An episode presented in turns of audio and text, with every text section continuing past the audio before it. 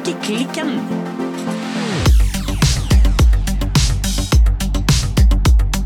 Hei, Birte. Halloen, Silje. Birte, Ja, hva strikker du på? jeg strikker. Hva strikker du?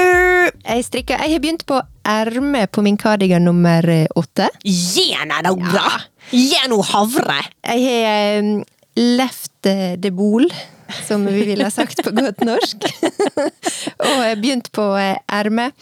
Det går bra. Jeg strikker nok eh, litt eh, tettere, strammere, når jeg strikker rundt og rundt, for det kan jo du gjøre på ermet. Ja, for Ja. da trenger du ikke strikke frem og tilbake. Nei. For ermene er sjeldent formet som en, en cardigan med åpning foran. Ja. Så jeg, jeg tror det går bra når jeg får liksom dampa den og fiksa litt. Men nå er jeg litt sånn hm, jeg håper ikke denne armen blir liksom for, for stram. Men Du Kan jo, altså Har du kommet langt? For ellers kan du jo vurdere å gå opp en pinnestørrelse, da. ja, det kan hende jeg skulle ha gjort det. Jeg er ikke kommet eh, så veldig langt. Jeg føler jeg har strikka en del, men jeg har ikke kommet eh, kjempelangt. Og en av grunnene til det er for at eh, denne her eh, ermet, det strikka jeg på en sånn Chiago-pinne. Chiago-pinne. Chiago-pinne, som er veldig anbefalt. Veldig sånn eh, top of the pops på eh, strikkepinnefronten. Top of the pops, faktisk. Ja. Ikke top notch, men Nei. faktisk top of the pops. Top of the pops. Eh, Got it? ja, det er veldig mange som har anbefalt disse pinnene. Jeg har ikke veldig mange av dem. Nei? Jeg liker dem, Ja. men de pinnene som jeg har nå, i hvert fall, som jeg har kobla på da en ganske sånn kort eh, rund streng, eller rundpinne Strikkevaier? Ja, strikkevaier, ja. De er veldig spisse. Ah. Sånn at eh, det er litt sånn når jeg, jeg tepper når jeg strikker. Gjør du det? Eh, hmm. nå ble jeg usikker. Gjør jeg det? Jeg vet ikke om du tepper så mye, faktisk. For det er kanskje en sånn ting som jeg som strikker stramt, må gjøre. Jeg tror ikke jeg tepper, nei. Nå ble jeg faktisk u... Kan, kan, kan du spørre meg igjen om dette en gang i fremtiden, så skal jeg neste gang jeg strikker legge Helt ærlig, dette har jeg aldri tenkt på om jeg tepper eller ikke. Jeg må i hvert fall teppe, for jeg må på en måte presse masken litt ut av pinnen. Ja, altså, for å si det sånn, jeg trenger ikke teppe, for jeg Nei. strikker jo veldig, veldig løst. Ja. Men det er mulig, jeg gjør mange ting i livet jeg ikke trenger å gjøre, så det er Ja. mulig jeg også gjør det, altså. Men det, jeg lover jeg skal legge merke til det. Ja. Og eh, jeg skal gi deg en fyldig eh, skriftlig utredning om, eh, om jeg tepper eller ei. Ja. For i hvert fall hver gang jeg tepper, så er det sånn au, au, au! Og det er skikkelig, denne pinnen er skikkelig, eh, skikkelig spiss, rett og slett. Men hvis du du tar en liten plasterlapp ytterst på fingertuppen, da? Jo, det kan nok eh, funke. Jeg har egentlig konkludert med at jeg tror jeg må bare skifte pinner. Ja. Sånn at det liksom Så eh, det var egentlig det mest spennende jeg hadde Jeg håper jeg Tap to Ja, tepp. men, men nå har jo du nevnt at du holder på med ermene på cardigan, men jeg føler at Ja. for nye lyttere så må vi uh, back up, back up litt. Ja. Hvilken cardigan snakker vi om? Ja. Hva garn snakker vi om? Hvor er vi i verden? Ja, ok, hvor er vi? Altså, eh, det er viktig å presisere, jeg er ikke ferdig med bolen. Grunnen til at jeg Se, nå glemte du å presisere først igjen. Nå gikk du rett til bolen. Ja, ja.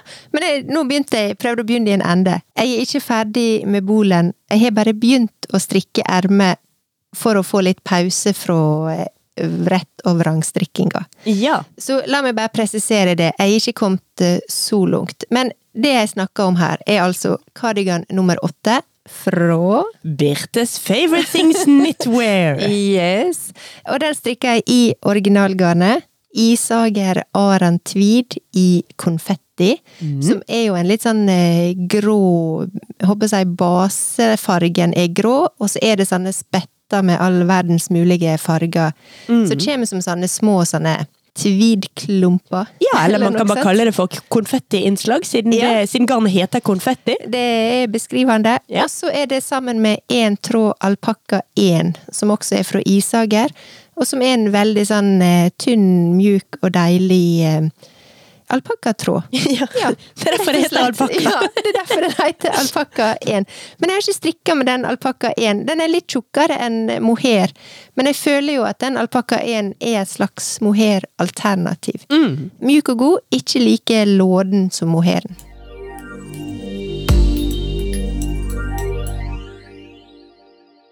Og du, Silje? Nei, jeg strikker i vei på min Tove Sweater fra Gregoria Fibers. Yes.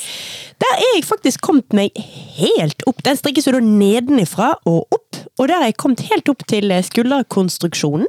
Ja, det, det går unna. Jeg ble litt sånn sjokkert eh, her når jeg så hvor langt du har kommet. Ja, men altså, den der er så lett og trivelig å strikke. Den Ja. strikkes i en såkalt forenklet eh, patent. Ja. Sånn at du strikker eh, Først når du strikker rundt og rundt, så strikker du annenhver runde ned Altså den strikkes i rett vrang, rett vrang, og annenhver runde da strikker du nedi de rette, og annenhver runde nedi de vrange. Og så, når du kommer over ermehullene, da strikker du jo da forstykke og bakstykke hver for seg, så da må du strikke frem og tilbake. Og da er det bare alltid ned i eh, den rette. Ja.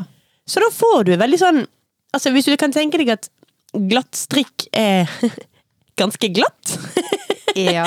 derav navnet, ja. så blir dette mye tjukkere i bredden. Selve Det er det som gjør at det blir halvpatent, eller patent. da. Ja. Det blir mye mer ja, tjukt plagg. Sånn det blir, og, da- og da er det jo veldig fint at dette strikkes i trippel mohair.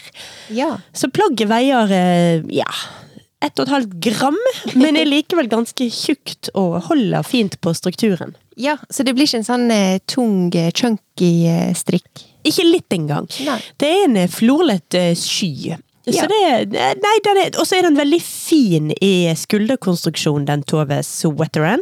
Ja. Jeg har aldri vært borti den eh, skulderkonstruksjonen der på noen andre gensere. Nei. Det er mulig det er vanlig at det nå kommer noen lyttere inn som sier at ja, men kjære vene, det var jo kjempestort på eh, indre Vestlandsfjorden i 1984. Ja, godt mulig. Det er godt mulig, alt kan ha skjedd. Men jeg har jo strikket akkurat denne Tove-sweateren før. Ja. Um, for de som har lyst til å se den veldig raskt, så kan de bare gå inn på strikkeklikken.no og se på bildet av meg på forsiden der. Der har jeg på meg min eh, pudderfargete variant av den. Ja, og den er kjempefin. Eh, men så husker jeg at eh, du har jo nevnt før at eh, du syns den er litt kort. Ja. Så um, nå strikker du en litt lengre variant nå, eller? Ja, det gjør jeg. Håper å si i alle ledd hvor ting skal måles i lengden her. Både på bråtet, og så på en måte fra over bråtet og til under ermet, og så fra over ermet og opp til Nei, altså, ja, og opp til skulderkonstruksjonen. Så har jeg lagt på litt. De sier 18 cm, jeg kjører 1920. De sier et eller annet. Altså, jeg legger på hele veien på lengden, rett og slett. Og så har jeg også gått ganske kraftig ned i pinnestørrelse. Ja, fortell. Fordi- Nei, jeg ser at min første Tove sweater er for løs i fisken. Ja. Sånn at jeg vil ha denne her eh, tettere.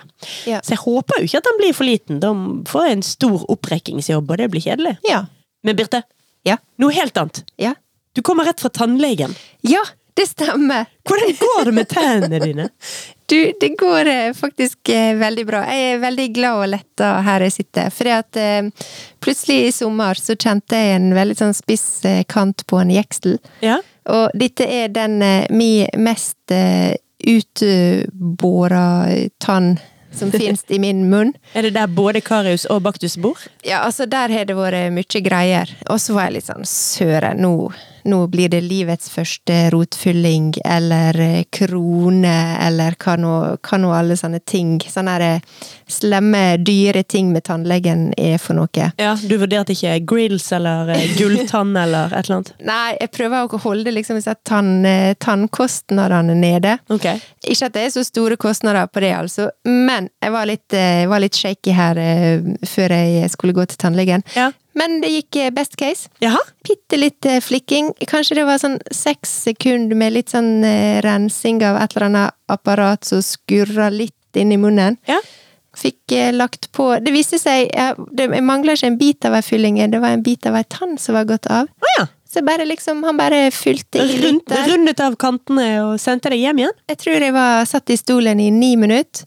Satt meg tilbake 700 kroner. Jeg var forberedt på alt eh, opp til eh, Altså, jeg var forberedt på 10 000 Oi, lappene jeg skulle flyge. Så jeg sitter her i dag. Jeg er ikke bedøva. Nei, for det er jo litt skuffende, for det, vi snakket jo om dette i går når vi, når vi avtalte og planla en Ja. innbespilling i dag. Ja. Da var vi jo litt spent på om du skulle ko komme sånn skikkelig dopet. Ja. Og jeg gledet meg helt sånn, for det er jo, altså internett er jo full av sånn folk som har vært hos tannlegen og blitt dopet og bare ruller rundt. Ja. Ikke? Altså, sånn sett var det litt skuffende, for jeg er ikke et lite sprøytestikk engang. en gang. Og jeg klarer å snakke fint. Ja, vi var jo, det var et lite forbehold om at eh, kanskje munnen min bare er helt eh, uformelig, og at jeg ikke klarer å snakke i det hele tatt. Men her sitter jeg, letta og glad. Og alle tennene i behold. Alle tennene i behold, og bare god stemning.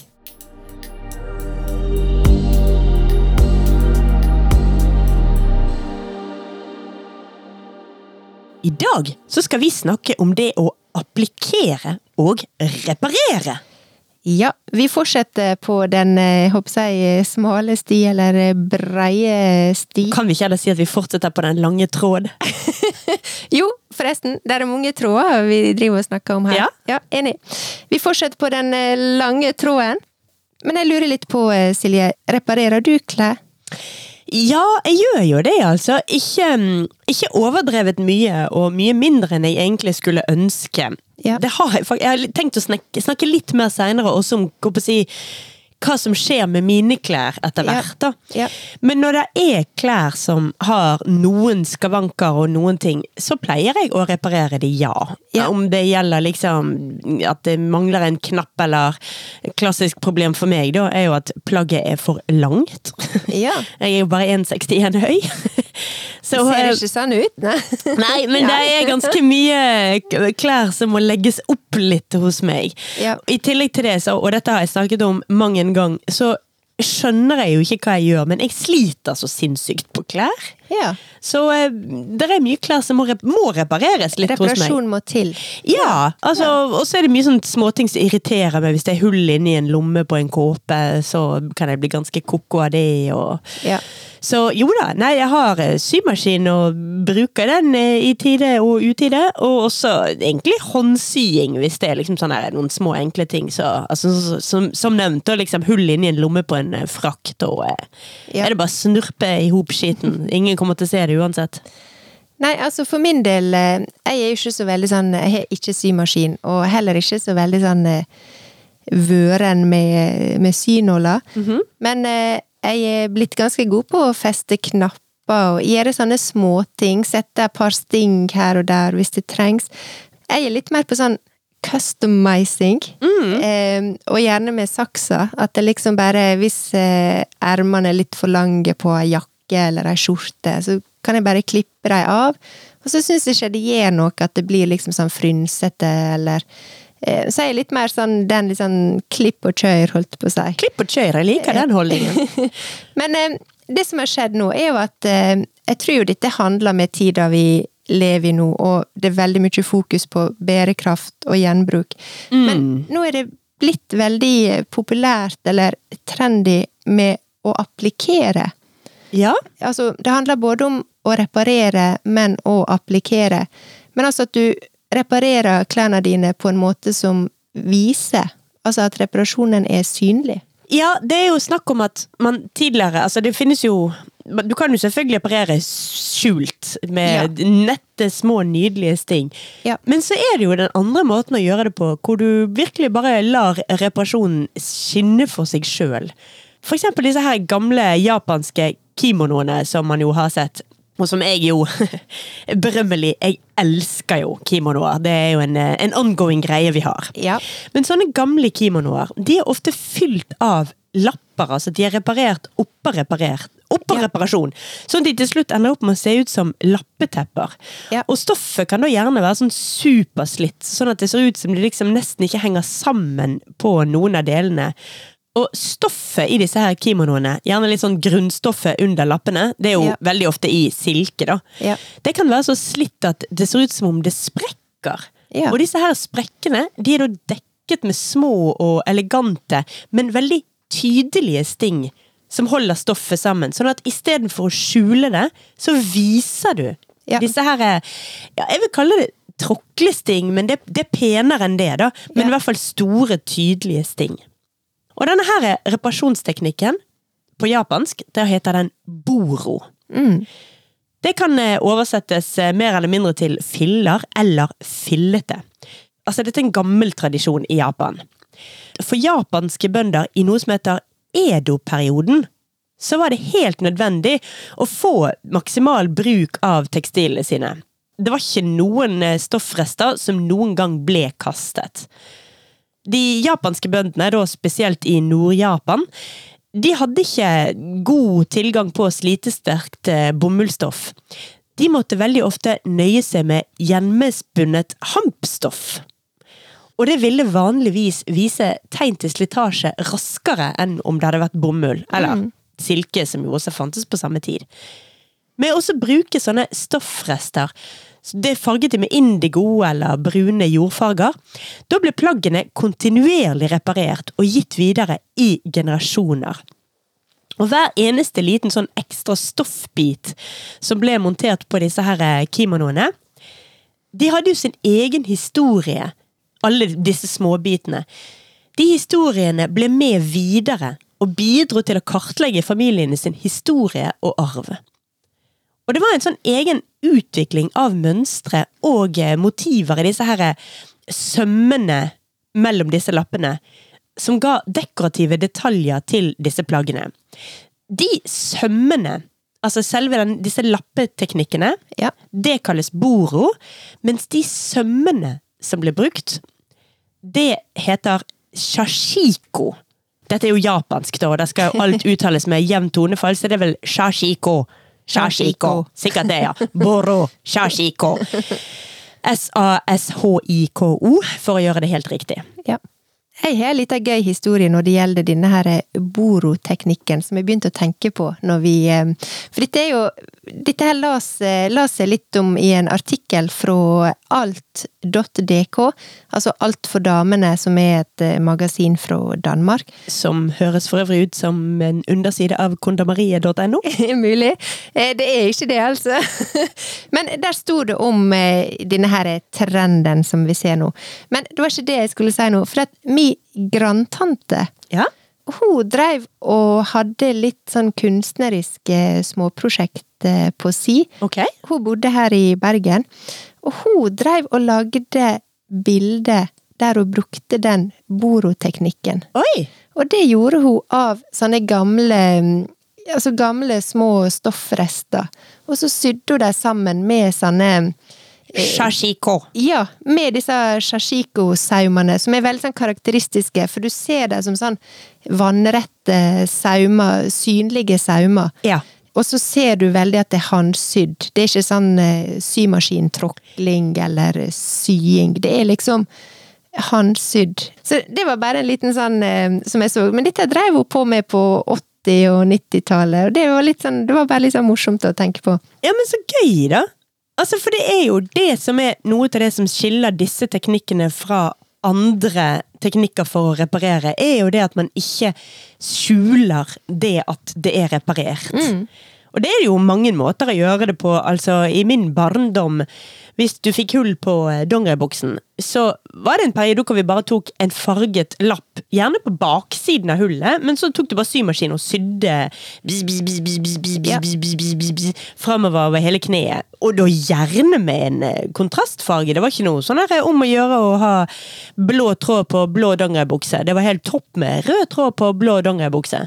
Og så er jo det også sånn at eh, Altså, du kan jo bruke sånne figurer, sånn som du bare kan lime rett på, for eksempel. Ja da, det selger de jo overalt. For eksempel på Panduro har de et stort utvalg av den slags. Ja, altså, for et par år siden så eh, tok eh, mannen min og reparerte, eh, i hermetegn, en eh, flekk som han hadde fått på ei skjorte, med en eh, Mickey Mouse-figur som han bare liksom strauk på. Ja, ja, ja. Fiks that Eh, shit. Og det var litt sånn, ja ja, det ble en liten sånn gøy eh, detalj. Om ikke det var boro, så var det i hvert fall litt det vi prøver å snakke om. Det her med at la liksom reparasjonene skinne, eh, og vis dem fram. Det er liksom ikke flaut at du har reparert noe. Tvert imot. Jeg syns det er på tide at vi får opp statusen på å reparere klær. Og det som jo har skjedd nå Jeg skal ikke jeg nekter å gå inn på noe sånn tidfesting av når dette har skjedd. Så hvis jeg sier nå, så er jeg på sånn ja, de siste par-tre årene rundt et eller annet sum. Ja. I det siste. Da er jo det at disse her teknikkene med å reparere, men på en synlig måte, det har begynt å dukke opp på ullgensere og silkeskjorter og dongeribukser. Og det er ikke noe lenger liksom sting og lapper og sånt som produseres av produsentene. Dette gjør forbrukerne, altså vi sjøl. Ja. Og det er rett og slett blitt en trend å reparere sine egne klær. Det er det. Og så er det det som du sa, det her med liksom synlige reparasjoner. For det, du kan gå inn på Instagram, for eksempel. På engelsk så blir det gjerne kalla mending. Så hvis du går inn på hashtaggen mending, så kan du få veldig mange tips og triks, og se hvordan du sjøl kan reparere klærne dine. Men så kan du også søke på noe som heter visible mending. Og da ser en gjerne denne her Boro-teknikken, for eksempel, der, eller applikasjonsteknikken, som rett og slett også går ut på å vise fram at du har reparert eh, plaggene dine. Altså Her i Norge så har vi jo blant annet Jenny Skavlan, som er en slags sånn Messias for både redesign og reparering av plagg. Og hun eh, lanserte for, jeg husker ikke, kort tid siden, noen år siden, et eller annet sånt, mindre enn 100 år siden, et samarbeid med Pierre Robert. Eller, nå kom jeg på, dette har vi ledd av før, at Ja. nå, nå, dette er visst en sånn, atter en sånn dag hvor Silje digresser mye, men ok, Pierre Robert lærte vi en gang for mange, mange, mange herrens episoder siden, at det sto for Page og Robert. At det er et eh, svensk merke som uh, syns at Per og Robert hørtes ikke så kult ut, så de gjorde det om til Pierre Robert. Ja. Men ok. Uansett, Jenny Skavlan har et eh, samarbeid med Pierre Robert. Og når de lanserte det, så lanserte de samtidig egne reparasjonsguider på YouTube. Sånn at plaggene som de lanserte, kan vare lenger. Og det hender jo at vi liksom går ut på Instagram og er litt sånn Spør eh, lytterne våre yay or nay. Men her nekter jeg å spørre, for her bare erklærer jeg at det å slippe en kolleksjon, og samtidig slippe reparasjonsvideoer som på en måte hører til kolleksjonen, det er en kjempestor yay! Dette liker jeg. Dette er gøy. Ja, det er enig. Jeg kjøpte et par sånne mm, ullgensere eller ull-T-skjorter, og det fulgte også med tråd som du kunne bruke hvis du trengte det for å reparere. Oi! Så jeg har faktisk en sånn liten sånn pappbit med tråd spunnet rundt som hørte til, eller som kom med da disse her eh, ullgenserne. Fra eh, Per George Robert og Jenny. Ja. Ja. og så vil jeg også eh, tipse om at eh, veldig ofte hvis du kjøper Ikke på alle merker, da, men jeg vet for eksempel Flippa K gjør det, Akne gjør det. Det er flere merker der du får med ekstra knapper, for eksempel. Sånn at hvis du mister en knapp, så har du en ekstra. Disse, enten så følger de med i en sånn liten konvolutt eh, sammen med denne her prislappen, eller så ofte kan de være sydd også på um, vaskelappen inne i plagget. Så ta gjerne og sjekk uh, på plagget ditt uh, om det følger med en knapp uh, eller to.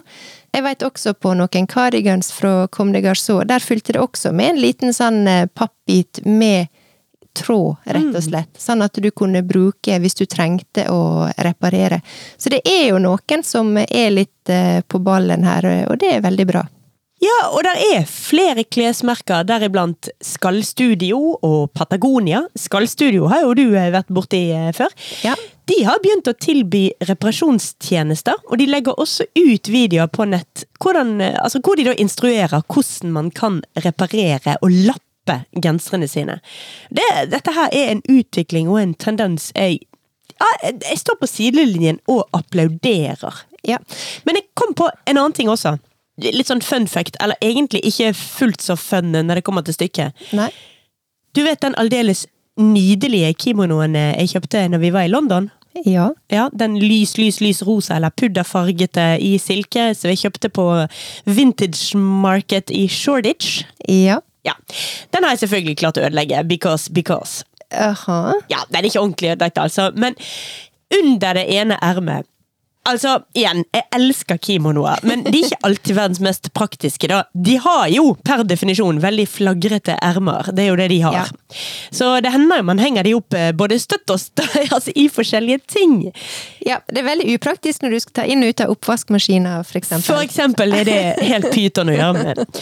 Men ja, jeg har klart å revne det ene ermet en del, så der må jeg inn og reparere. Men jeg må jo si at jeg kommer nok dessverre ikke til å eh, reparere med Boro eller eh, Shashiko Shashiko-sting.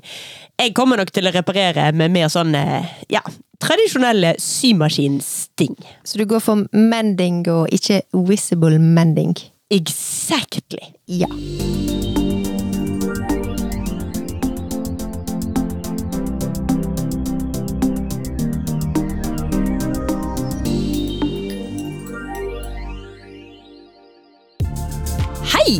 Nå hører du på Strikkeklikken, en usannsynlig podkast om strikking. Nå kan du bli vår private sponsor og støttespiller ved å gå inn på www.patrion.com strikkeklikken. Et medlemskap koster bare 40 kroner i måneden, og gjør at du blir en del av vår faste støtteklikk. Gå inn på patrion.com strikkeklikken nå! Takk for at du lytter!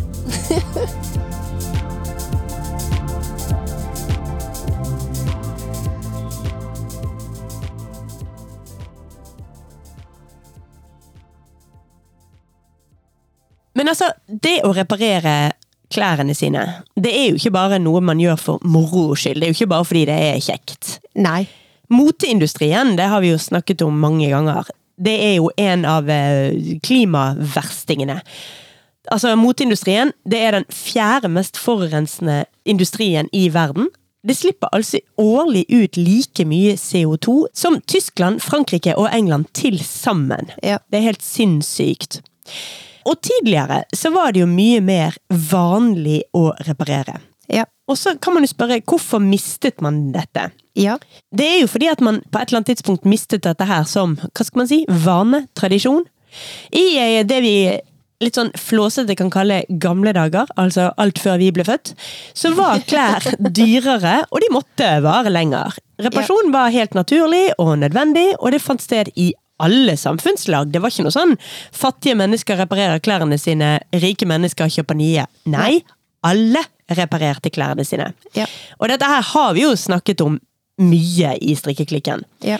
Fordi at på 50- og 60-tallet så skjedde det en helt ny utvikling.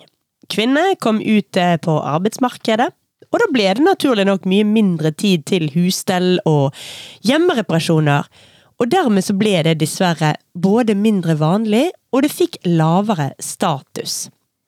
Dette her var jo i sin tid veldig krevende arbeid. Sånn at når disse her konfeksjonskolleksjonene ble introdusert på ja, 50-tallet, da ble klærne billigere, og muligheten for å slippe å lappe og fikse, reparere Altså muligheten for å kutte ut det dukket opp.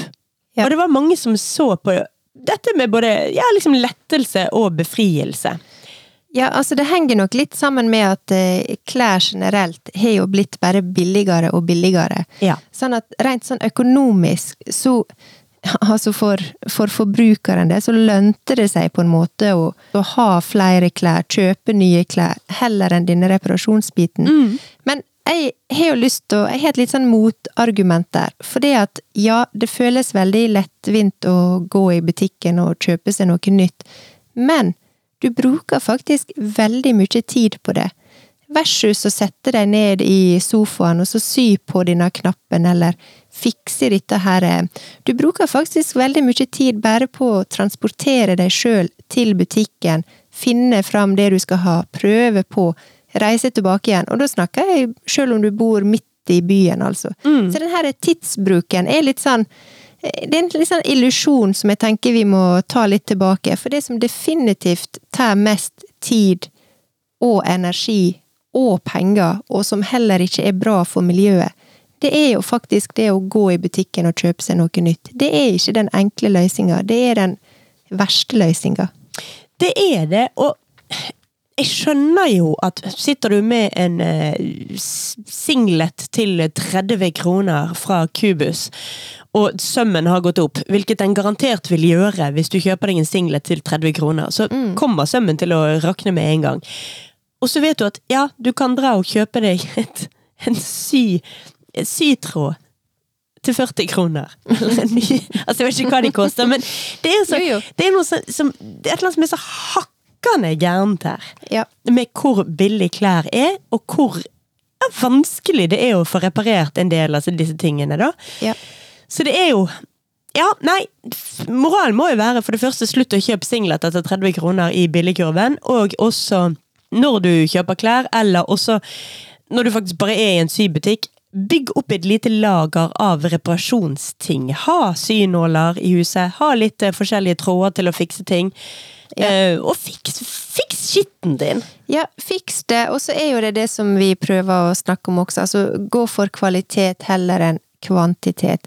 Tenk langsiktig. Og jeg syns det er det er litt synd at eh, for eksempel skreddere er så lite tilgjengelig og synlig i eh, i bybildet eller i butikkfloraen, hvis du kan si det på den måten. Og også renseri. Du kan godt si at eh, renseri er noe kjemisk eh, drit, men det er uansett veldig mye bedre å rense ullkåpa si i ny og ne enn å kjøpe nytt. Ja, og så vil jeg også gjerne Det kan godt være at dette er gammelt nytt for lytterne våre. For å si det sånn, jeg håper det er gammelt nytt for lytterne våre.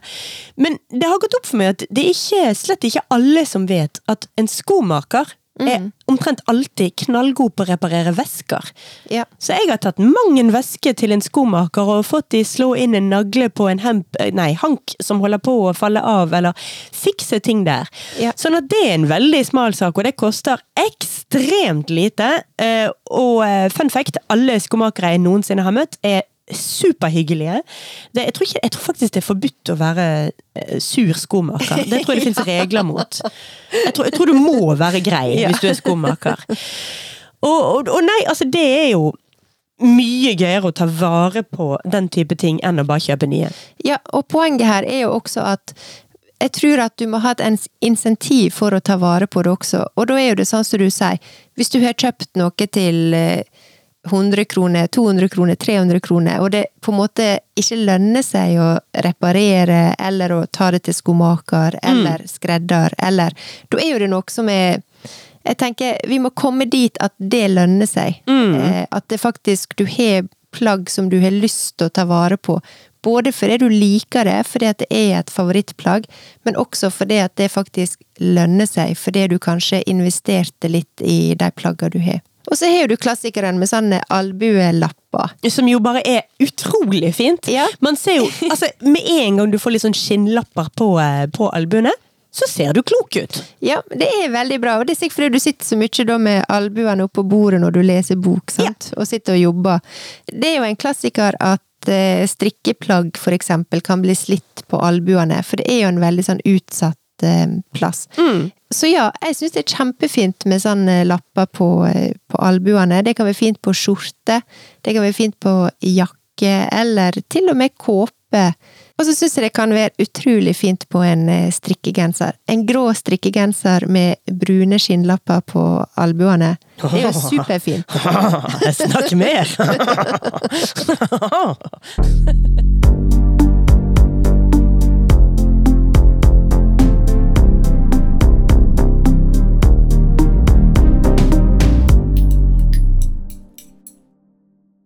Jeg har litt lyst til å gå tilbake til eh, japanske kimonoer.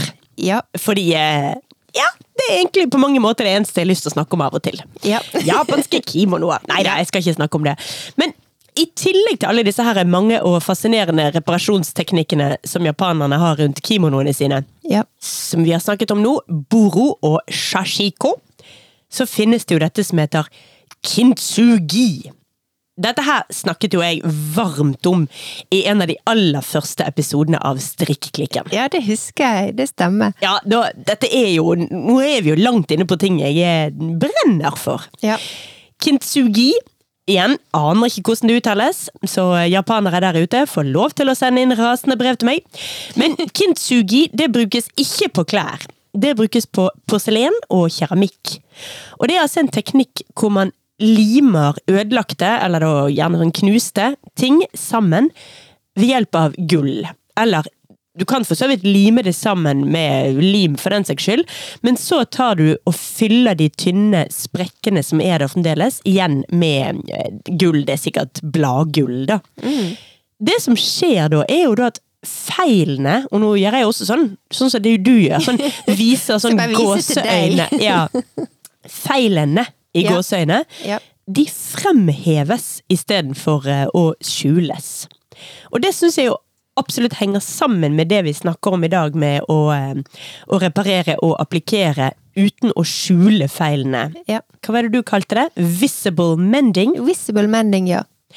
Ja, altså en teori, sånn nå er jeg på historie her, det er at denne her kintsugien kan ha oppstått da japanske Ashikaga Yoshimasa Han skal ha sendt en eh, skadet kinesisk tebolle til Kina for reparasjoner på slutten av 1400-tallet.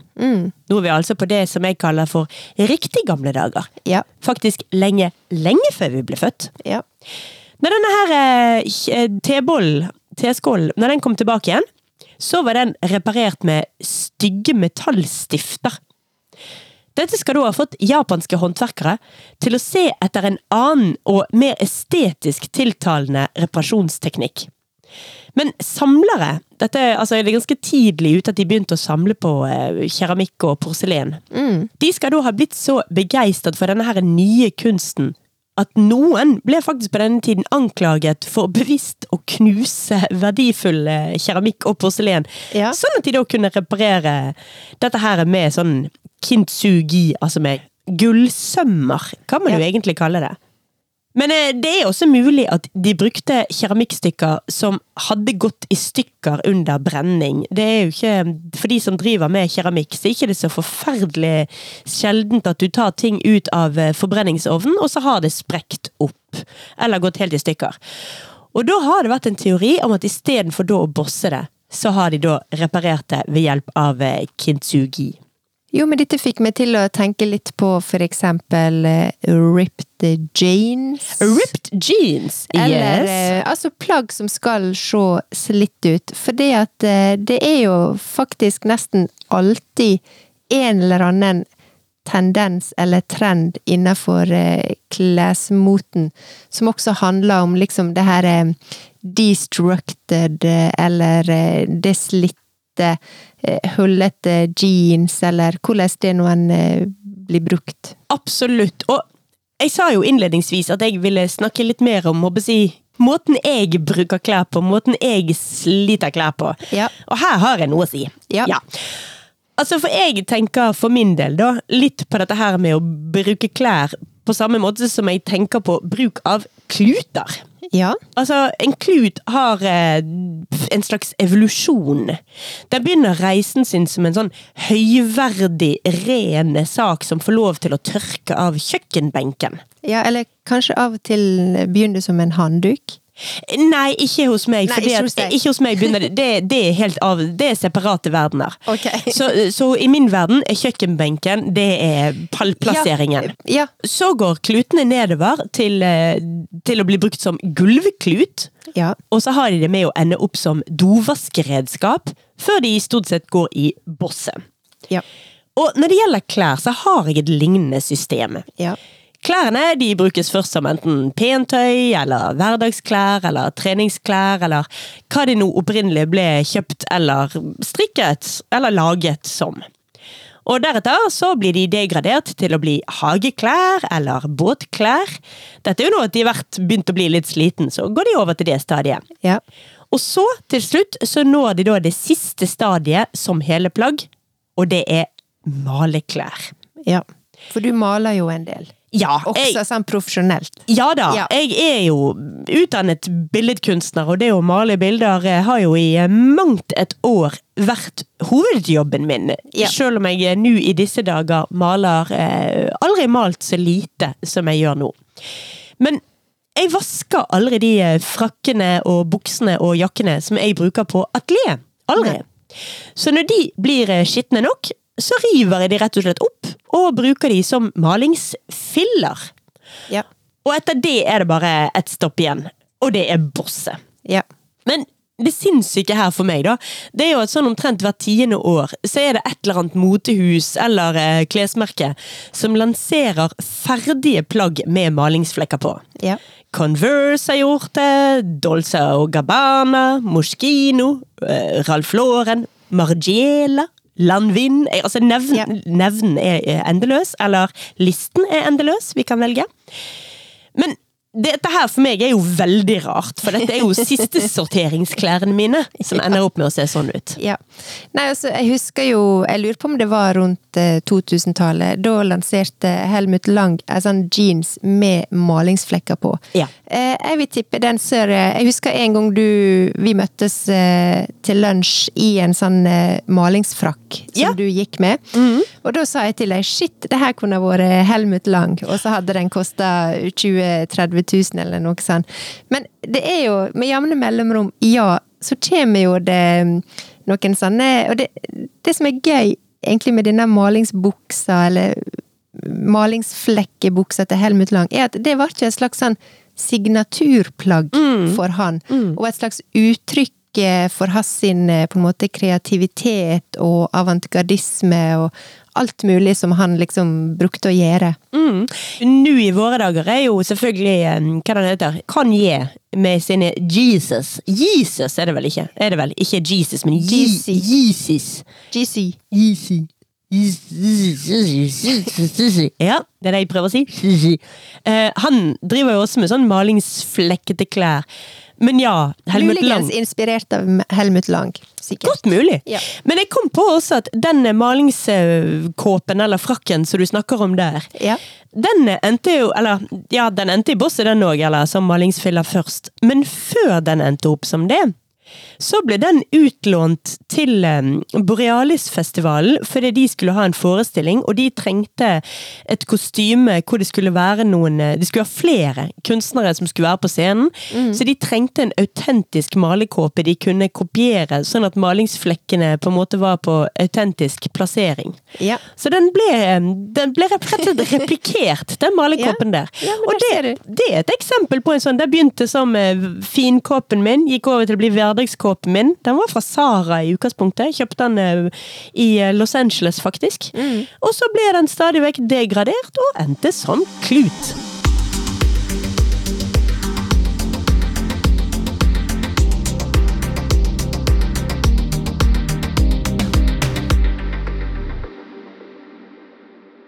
Men vet du hva jeg brukte helga mi på, eh, Silje? Nei? Rydda i mitt klesskap. Gjerne nå, da! Det kribla i fingrene, og jeg satte i gang. Så nå har jeg Det har tatt noen runder, det har vært mange prosesser. Jeg har jo prøvd å krympe klesskapet mitt. Ja. Jeg har eh, sortert, jeg har eh, solgt litt klær, faktisk. Blant annet til meg. Ja, Dan og, og vann, holdt på å si.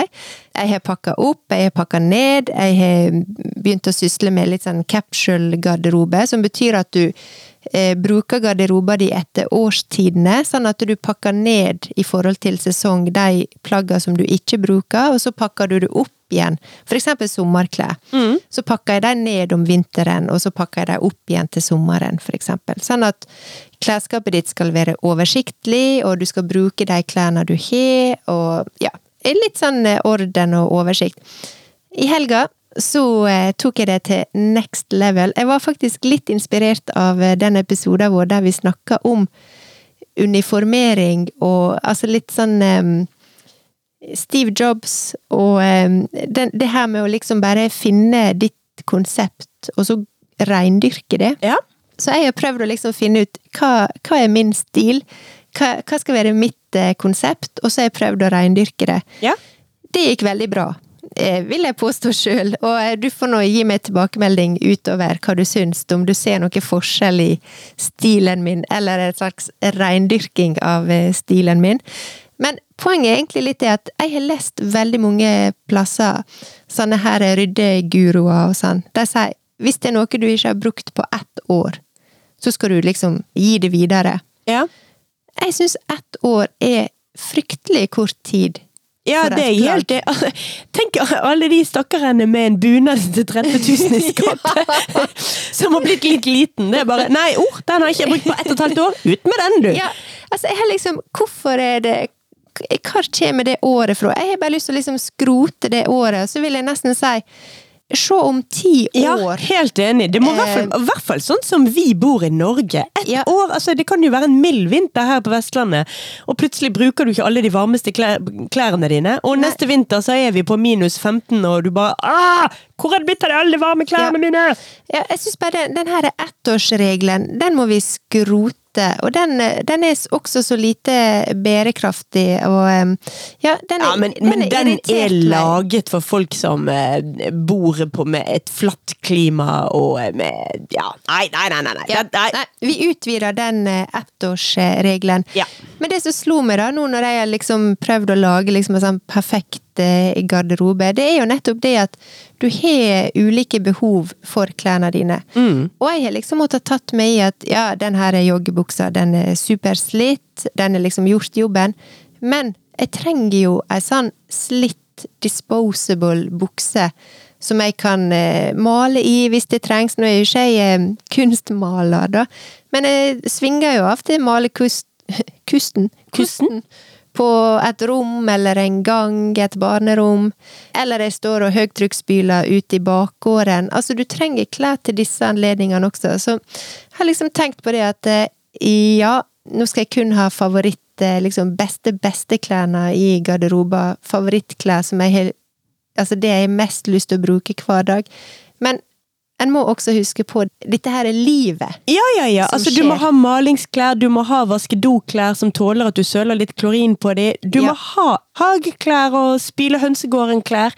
Ja. Man kan ikke bare ha tipp topp klær, du må ha noe skita klær også. En må det, men jeg trenger kanskje ikke så mye. Kanskje det er nok med en eh, skita genser og ei skita bukse og så Det noen kommer an på hvor mye av tiden du bruker til å grave rundt i jorden. Det jo, hvis, den er, hvis den er i vask, så vil du ha litt mer. Så det må man egentlig bare vurdere sjøl.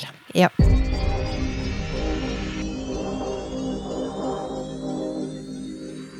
Silje snakker om farger.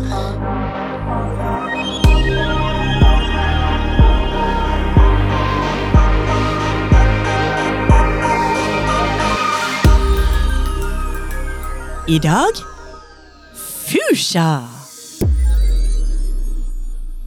Fusha det er en eh, vibrant rosarød farge som har fått navnet sitt fra blomsten eller planten som heter eh, fusha. Ja. Fusha er oppkalt etter fusha. ja. Denne planten den eh, fikk sitt navn, altså fusha-navnet sitt, fra den franske botanikeren Charles Plumier Yeah. som navnga planten etter 1500-tallets tyske botaniker Leonard Fuchs. Fuchs. Fuchs, eller Fors, jeg vet ikke. Ja. F-U-C-H-S. Fors. Fush. Fush? Kanskje det er sy- sier det vi sier fuchsia. Da kaller vi han for Leonard FUSH Ja. Fuchsia det ble først introdusert som fargen på et nytt anilinfargestoff. Og sånne anilinfargestoffer det er en stor gruppe med syntetiske fargestoffer som fremstilles fra anilin og beslektede kjemiske forbindelser. Fargen fuchsia den ble patentert i 1859 av den franske kjemikeren Francois Vergin. Verguin, Vergin. Og da-da-da-da! Fargestoffet ble da omdøpt til magenta seinere samme år, for å feire en seier til den franske hæren i slaget ved Magenta i 1859. Så det du sier er at magenta og fuchsia er like? Ja. Oi! Ja, I know! For vi har jo snakket om magenta før. Det har jo jeg nevnt her i spalten Silje snakker om farger. Dette her er slaget ved Magenta. Det ble utkjempet 4. juni 1859 ved byen Magenta i Lombardia i eh, Nord-Italia. Slaget var en del av den andre italienske frigjøringskrigen.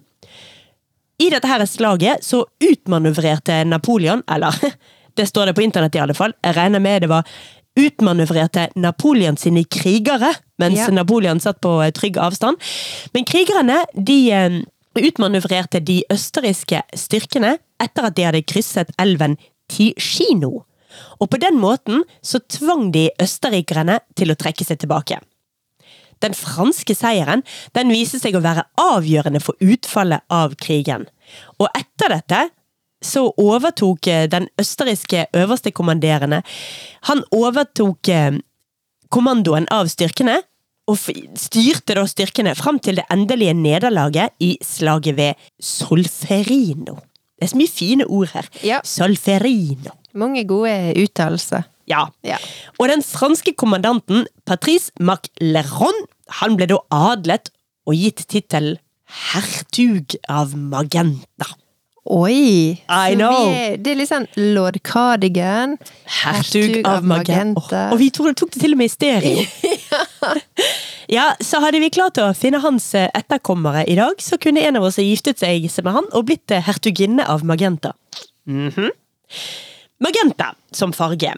Ifølge Wikipedia så er magenta en farge som på forskjellige måter defineres som lilla-rød, eller rødlilla, eller noe sånt. Ja. Men min påstand det er at de fleste vil beskrive fusha og magenta som mørk eller dyp rosa. ja. Dette her er jo en av de fire blekkfargene som brukes i eh, fargeutskrift, og i dette her fargesystemet smykk, som vi snakket om når vi snakket om cyan. Ja. Smykk står jo da for eh, cyan, altså smykk skrives med C, så C-en står for cyan, M-en står for magenta, Y-en står for yellow, og K-en står for key, eller svart. Så magenta er altså en av grunnfargene i fargesystemet smykk. Mm. Det som er ekstra morsomt med magenta, det er at det er den utvilsomt beste basefargen for å blande rene farger. De fleste de vet jo at hvis du skal blande alle verdens farger eh, ut av maling, så trenger du bare rød og blå og gul og hvit. Og kanskje svart, litt sånn avhengig av hvor rene pigmenter du har fått tak i. ja. Ja, altså hvis du har helt rene primære pigmenter uten innslag av hvitt, så kan du blande rødt og blått og gult og få svart. Oi. Men dette er litt på det teoretiske nivået. I virkeligheten vil pigmentene du får tak i, trolig ha litt for mye innslag av andre ting. Så av praktiske hensyn så er det lurt å kjøpe svart også. Men altså, hvis du da skal blande deg fram til lilla, da trenger du jo rød og blå. Ja. Rød og blå blir lilla, det husker vi, gjør vi ikke? Jo. Men hvis du blander da, altså begynner med den fargen som vanligvis kalles primærrød, og blander den med den fargen som kalles primærblå, da får du en ganske skitten, eller brekket, lilla farge. Skitne farger de kalles for brekkete farger på fargespråket. Så hvis man er ute etter en veldig klar og rein, litt sånn neonaktig lilla, så er det mye bedre å begynne med magenta og cyan istedenfor de såkalte primærrød og primærblå. Men eh, hvorfor er det sånn? Grunnen til det er rett og slett at det er ikke noe gult i magenta, mens det i den fargen som heter primærrød, så er det masse gult. Og gult, det er komplementærfargen til lilla, altså motsatt fargen av lilla. Så hvis du blander litt grann gult inn i lilla, så vil den bli mer skitten, eller altså brekt, når du begynner å blande prosessen. Så hvis, altså hvis du begynner blandeprosessen med en rød med litt gult i, så kan du ikke ta den gule vekk. Så du, du tjener du, du, Det er mye bedre å begynne med magenta som basefarge, hvis Ja. du skal ha rein lilla. Så derfor så inngår alltid magenta i sortimentet mitt når jeg handler maling til atelieret. Problemet mitt er med magenta, da, det er at eh, all magenta du kjøper som kunstnerfarger, den er veldig transparent eller gjennomsiktig. Jeg har aldri kommet over et malingsmerke som har såkalt opak magenta. Altså heldekkende magenta. Og sånn som jeg maler mine bilder, så ønsker jeg alltid å ha opake farger. Jeg er veldig lite glad i transparente farger. Men det var nå for så vidt en ganske sånn dig digressing fra min side. Ja, eh, for eh, har vi noe Kan vi avslutte med noe strikkerelatert, eller? Ja! Ja. Ja, det kan vi. Vi, vi, vi ja! Vi Ja. kan dra dette til strikking. For jeg strikker jo med fuchsia eller magenta farget garn nå! Yes. Jeg holder jo på med denne her Tove-genseren fra Gregoria Fibers, som jeg strikker i tre tråder silkemohair. Disse tre trådene de eh, har jeg i tre forskjellige nyanser av rosa. En fuchsia, en som heter Burnt Peach, og en Winter Berry. Disse tre fargene her de gir et utrolig fint fargespill. I tillegg så skal jo da bråtet og halsen og bråtet på ermene være en sånn sennepsfarge som er sånn color blocking mot alt dette rosa. Ja, dristig. Ja, Ja. og det er veldig gøy å leke med disse her fargene. Så fuchsia eller magenta, det er en farge som er i ferd med å bli veldig trendy nå. Kanskje litt på grunn av noe det, som vi snakket om for litt siden her, nemlig denne her Barbiecore-moten. Og jeg syns i hvert fall at dette her er en helt fantastisk farge, som jeg syns at flere skal bruke, og i hvert fall flere strikkere. Så dagens lille anbefaling for meg, det er rett og slett strikk mer i fargen FUSHA.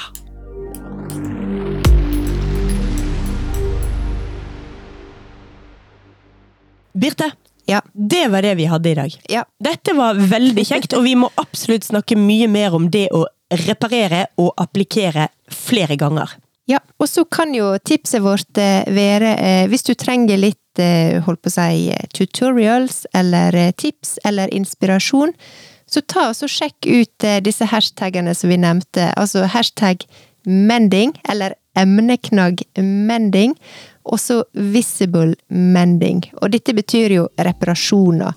Så eh, internettet ligger der og venter på deg, altså. Det er bare å dykke i det. Absolutt. Da gjenstår det bare å ønske alle sammen en riktig god uke. Vi høres igjen om en uke. Ha det på badet! Ha det!